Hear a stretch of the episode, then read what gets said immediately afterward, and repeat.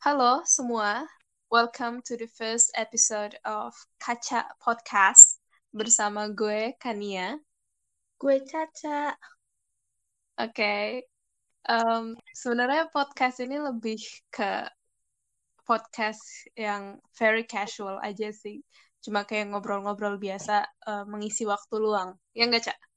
Yoi, benar sekali. Jadi ya. tema kita hari ini adalah tentang COVID-19. Opini aja ya, kita ngomongin tentang COVID, guys. Uh, COVID, COVID. uh, sedikit background informasi uh, dari kita berdua. Gue saat ini sedang berdomisili di Inggris, Birmingham lebih tepatnya. Kalau lo di mana, Cak? Gue di Indonesia, di Depok, guys. Untuk tema hari ini kita bakal ya bakal diskusi aja sih ke perbedaan gimana sih rasanya tinggal di negara masing-masing apalagi situasinya kan lagi kayak gini ya enggak yoi.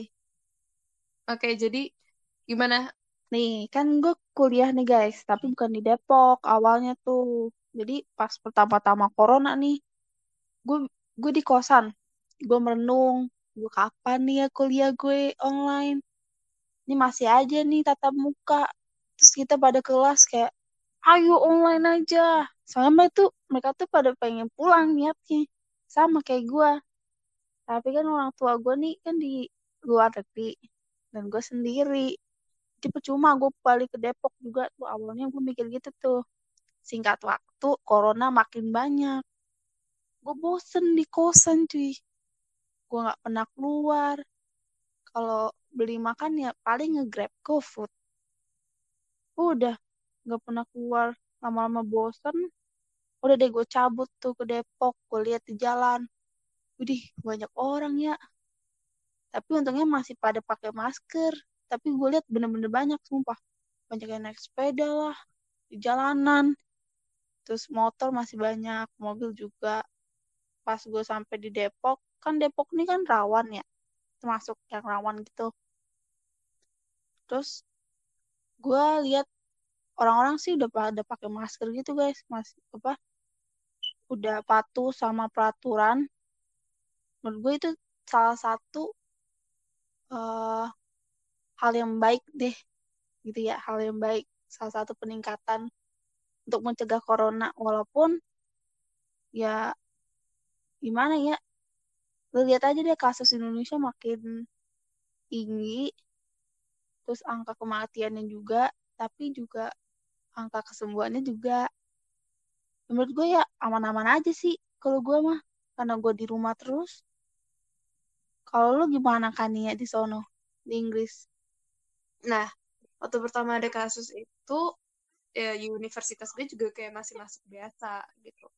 Cuman lama kelamaan kan singkat waktu ya coronanya itu kan lebih menyebar di kota-kota lain ada kasus gitu. Terus akhirnya kita kan juga khawatir lah ya apalagi di universitas gue kan banyak murid internasionalnya. Terus mereka tuh udah udah milih ya mending gue pulang ke negara masing-masing deh gitu. Karena kan mereka juga pasti takut sendiri di sini kan.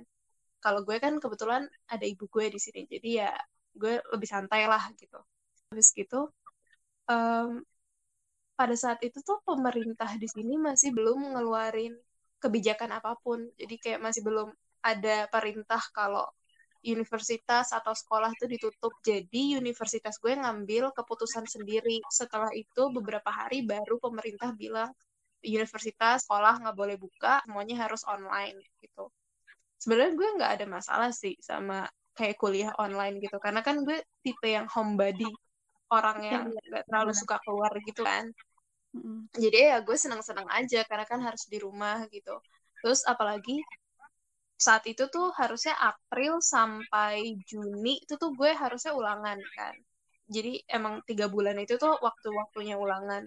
Cuman akhirnya universitas gue memutuskan untuk menghapus ulangan di bulan-bulan itu kecuali kalau misalnya lo tuh tahun terakhir. Karena kan kalau tahun terakhir lo harus disertasi dan sebagainya. Nah kalau itu kan nggak mungkin ya dihapus gitu jadi ya. kalau untuk kayak gue yang masih foundation year atau yang tahun pertama atau tahun kedua, nah itu dihapus.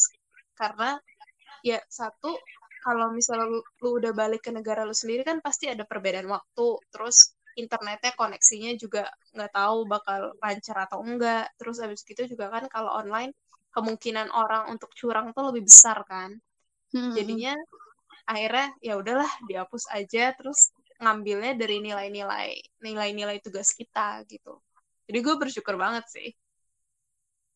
Iya sih. Ini kan lu udah udah ngejelasin nih tentang uh, diri lu tentang kuliah lu pas pandemi. Nah gue mau ceritain hmm. tentang gue nih ya. Pengalaman gue tentang universitas gue lah intinya mah. Kan gue di Jawa Tengah nih. Universitas gue universitas negeri di Jawa Tengah bukan UGM bukan Kugaisu. Pokoknya di Jawa Tengah di situ tuh universitasnya bagus. Kayak anak-anaknya kalau yang masih di kosan anak kosan nih anak yang merantau yang masih di sana.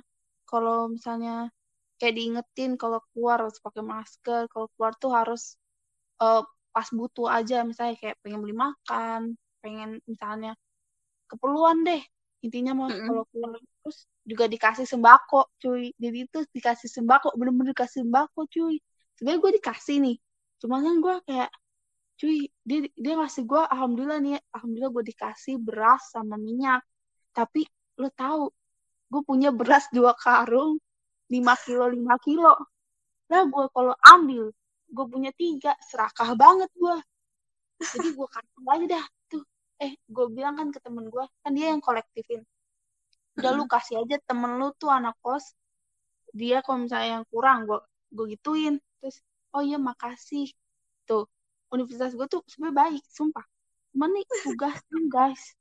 Tugasnya bejibun dah. Mana gue jurusannya jurusan kesehatan ya praktek lu tahu praktek? Gue bikin video. Kan gue sendiri ya di kosan nggak ada orang nggak ada yang gue kenal nih tetangga tetangga kamar gue nih. Gue nggak tahu itu siapa sebenarnya namanya. Kalau ketemu cuma eh iya halo gitu doang nggak kenalan. Karena gue pemalu. Terus udah deh tuh gue pakai gue pakai boneka. Lu tahu boneka gue apa? Bukan boneka bukan boneka manusia nih. Maksud gue boneka gue tuh boneka bentuknya hewan. Hiu. Tahu hiu gue kayak ah udahlah yang ada aja. Tapi gue jelasin tuh di awal video karena gue nggak ada orang juga pakai boneka gue. Gue kayak gue kayak alasan gitu emang beneran gue nggak ada orang cuy. Gue sampai di Depok sampai di Depok juga kan ada tugas juga kan video. Aduh gue nggak ada orang. Lo tau nih saudara gue ada nih yang di Depok tapi jauh. Kayak sejam sejam kurang lah tuh nyampe Nah, lagi COVID, gue kagak bisa naik mobil. Motor gue juga takut. Takut oleng gue. Jadi udah, gue bilang aja. Gak ada orang di rumah. Jadi gue pakai boneka lagi. Nah, itu tuh cerita gue cuma gitu doang sih. Tugas gue itu banyak banget. Jadi, please, aduh, universitas menurunkan tugas-tugas yang ada, please. Sumpah, gue kayak stres gitu lama-lama mikirin tugas. Kalau nggak tugas kuis. Kalau nggak kuis juga ngejain kayak laporan gitu-gitu gue kesel. Enggak sih nggak kesel. Emang itu salah satu salah satu apa kewajiban. Tapi jangan kebanyakan bikin stres guys. Gitu jadi uh, itulah curhatan mahasiswi Indonesia tolong dikurangin tugasnya apalagi lagi kondisi kayak gini ya cak ya. Iya lagi cuman um, waktu itu kan gue juga sempet tuh ke Indonesia kan pada saat mm. covid itu.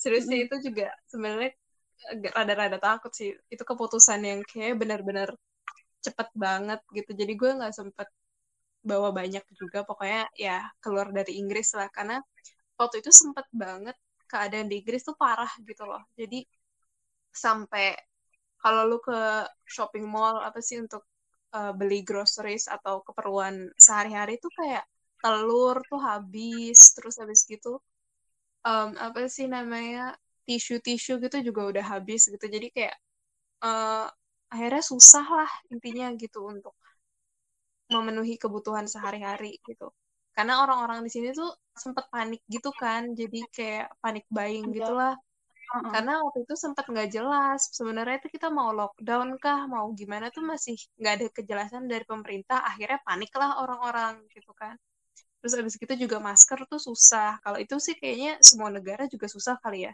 Iya, waktu iya. awal-awal Iya, nah iya. akhirnya ibu gue memutuskan udahlah kita balik aja ke Indonesia. Karena waktu itu juga kasus di Inggris tuh makin lama makin naik kan gitu. Ya udah akhirnya gue baliklah ke Inggris. Terus ibu gue sempat ngobrol tuh sama temennya gitu. Nah temennya ini sempat kena COVID.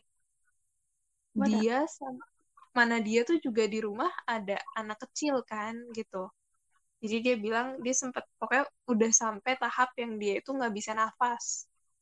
Hmm. akhirnya uh, dia nelpon lah nelpon ke ada di sini tuh namanya tenaga kesehatannya NHS namanya. Jadi dia telepon terus habis gitu akhirnya mereka bilang uh, mereka minta maaf soalnya karena udah nggak mungkin lagi kalau misalnya dia harus ke rumah sakit karena rumah sakitnya udah penuh. Jadi akhirnya dia diminta untuk di rumah aja isolasi sendiri selama dua minggu gitu terus dia bilang tuh katanya dia benar-benar ngerasa mungkin dia bakal mau mati kali karena emang dia sampai nggak bisa nafas kan. Dan sementara dia nggak bisa ke rumah sakit dan tenaga medisnya juga nggak ada yang bisa karena mereka udah benar-benar padat udah nggak udah pokoknya udah benar-benar kekurangan tempat gitu deh.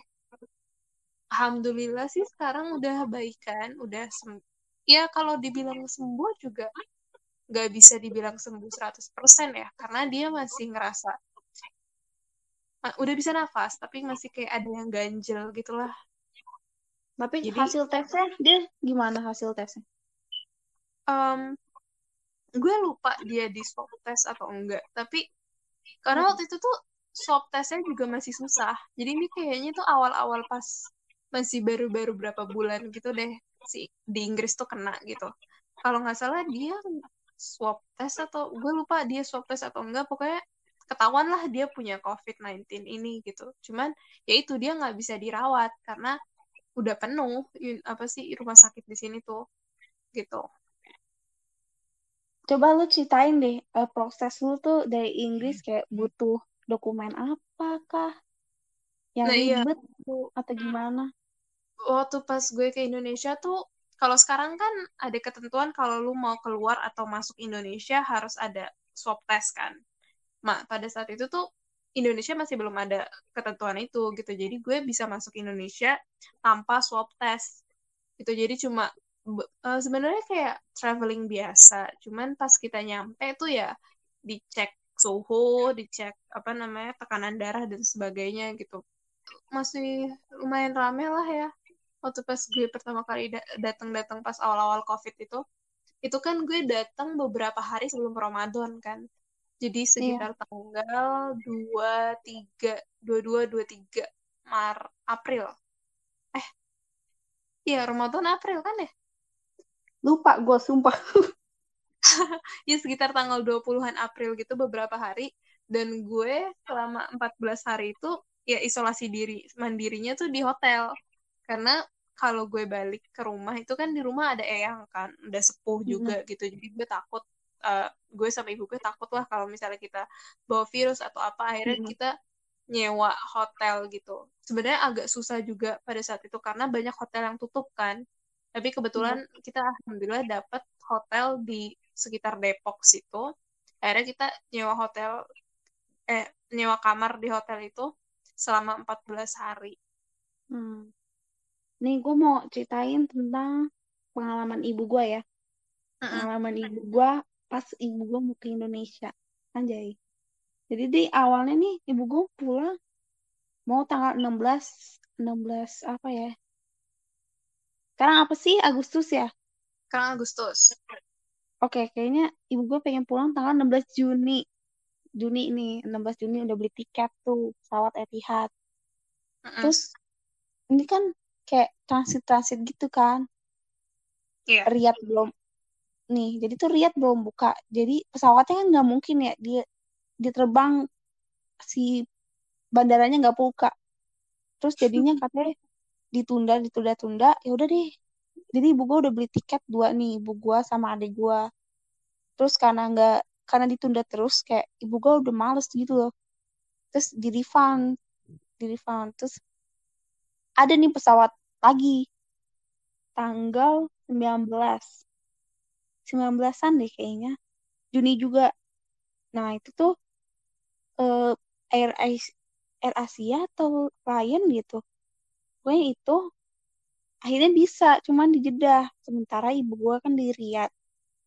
Jadi tuh tapi itu juga ditunda lagi cuy berapa hari. Tapi ibu gue sabar nih kali ini sabar. Tapi eh uh, apa kurangnya tuh adik gue adik gue nggak jadi ikut. Jadi ibu gue sendiri kan repot sih bawa anak kecil. Nggak anak kecil sih adik gue cuman kan masih kecil dia. Terus udah tuh ibu gue berangkat dari Riyadh ke Jeddah naik bis. Itu uh, bisnya juga selang gitu kan ada yang kosong isi kosong isi. Habis sampai Jeddah ibu gue nginep sehari di hotel. Nanti itu nginep ada tiga nih roommate-nya. Ibu gua sama dua orang asing. Tapi mm -hmm. orang Indonesia stranger lah. Nah udah tuh ya pas dari Jeddah berangkat ke Indonesia. Nah pas di Indonesia ini ibu gua kan belum tes ya. Ibu gua yeah. belum tes rapid karena ibu gua tuh takut dan mahal cuy. Lu tahu di Riyadh berapa? Berapa seribu enam ratus kayaknya deh. Rapid bukan swab mm -hmm. rapid Swap, swap. Oh, swap. Mahal. Mahal cuy.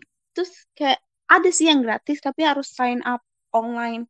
Dan ibu kan ibu gua kan butuhnya cepet ya. Dan yeah. kayaknya tuh penuh. Jadi udah deh, gak usah ibu gua mikirnya gitu. Tapi gua ngotot. Rapid mah, rapid, swap mah. Tapi ibu gua, ah udah di Indonesia aja. Kan di Indonesia ada tuh ya di bandaranya. Nah sampai yeah. bandara tuh udah deh. Kan bisa milih nginep di wisma atau eh, maksudnya karantina di wisma atau di hotel.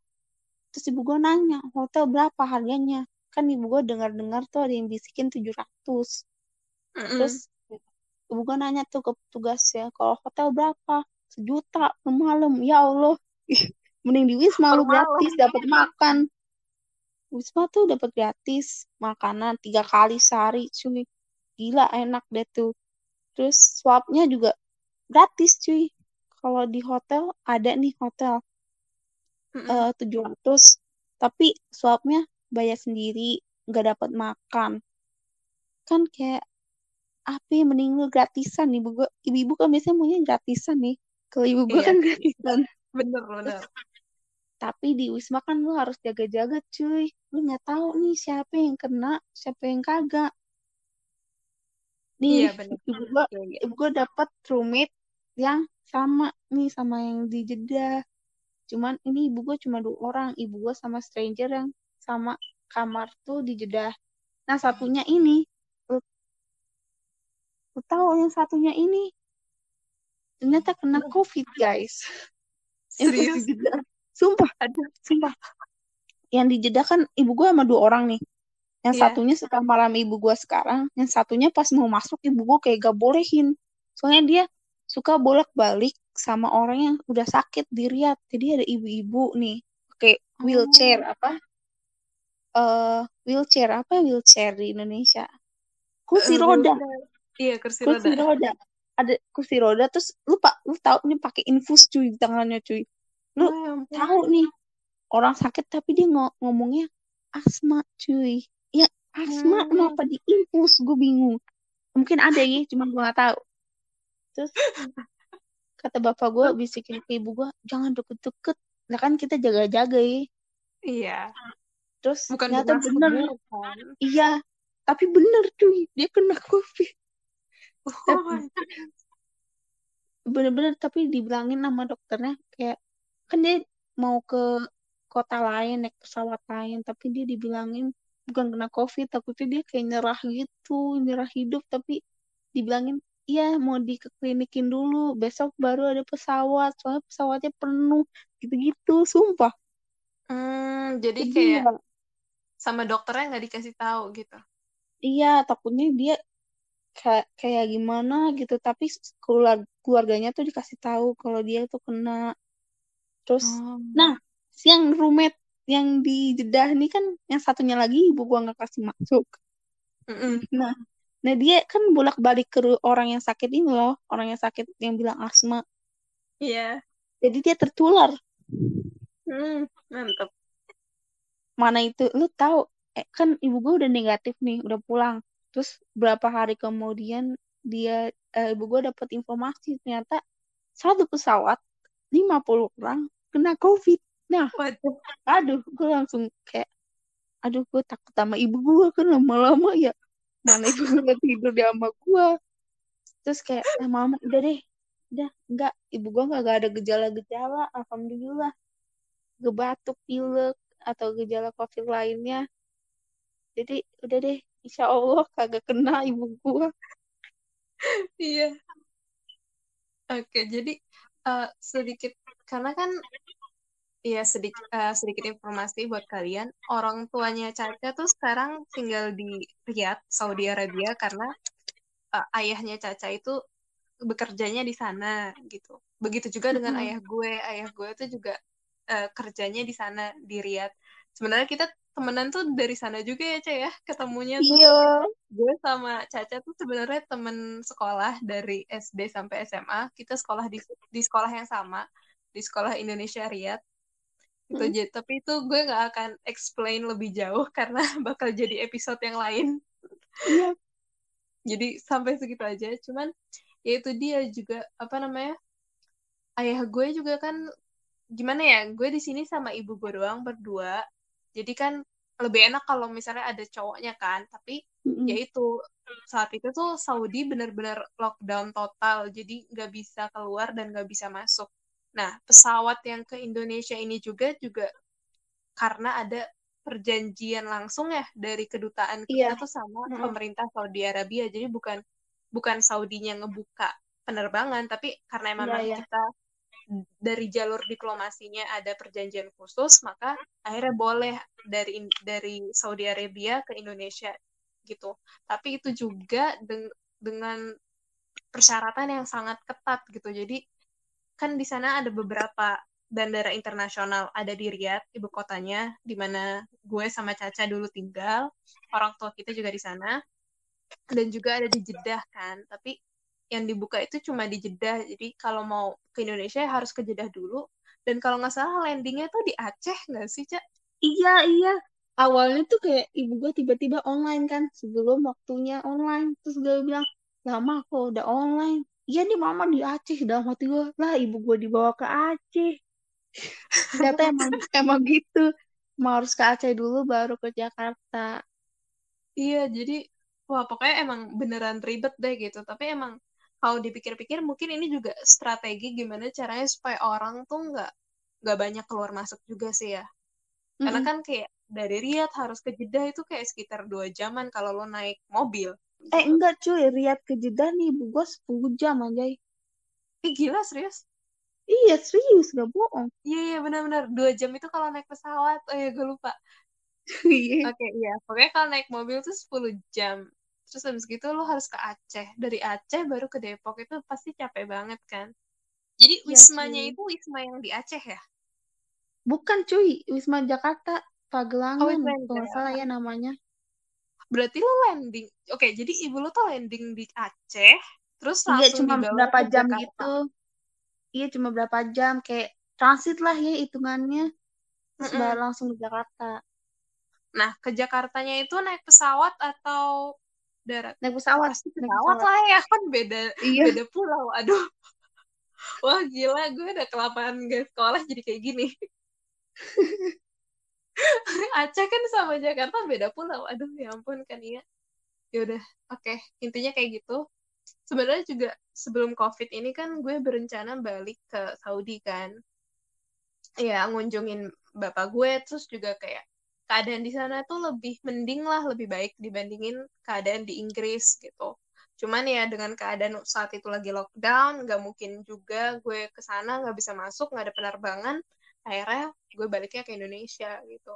Sampai sekarang juga sebenarnya ayah gue lagi berusaha nyari penerbangan balik ke Inggris karena gue kan mau pindahan. Jadi tempat gue udah mau pindahan dari tempat tinggal yang sekarang ke rumah yang lain gitu karena waktu kontrakan gue udah selesai kan cuman ya itu ayah gue masih belum bisa keluar dari Saudi gitu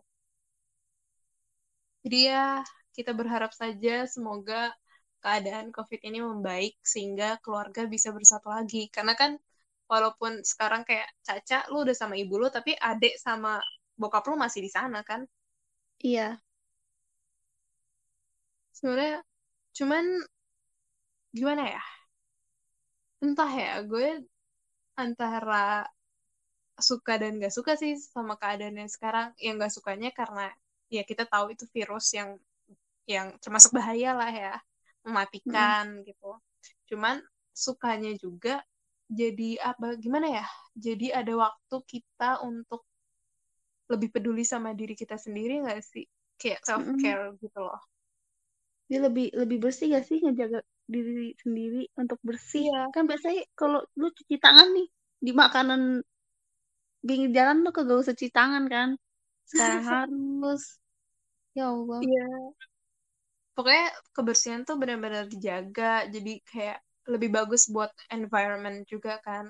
Mm -hmm. dan apa ya lebih kalau menurut gue sih bukan cuma secara fisik ya tapi juga secara mental kita. Karena kan selama ini kita tuh kayak sibuk kuliah sibuk kerja kayak lo tuh kayak udah nggak peduli sama diri lo sendiri. Kadang-kadang stres sendiri gitu.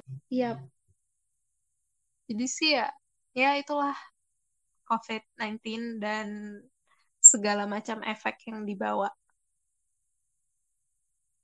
ini kita akhiri aja ya iya kayaknya udah udah hampir 30 menit juga jadi ya iya. udah sampai situ aja percakapan kita hari ini.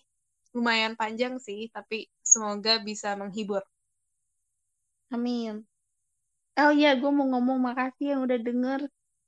Walaupun ini gabut, gak jelas, tapi makasih yang udah denger. Ya, ya udah. Uh, terima kasih sudah mendengarkan kita. Kalau kalian dengerin sampai selesai, terima kasih. Kalau enggak juga nggak apa-apa. Terima kasih juga. ya udah see you guys for the next episode, I guess. Yep. Okay, dadah. Bye. Bye.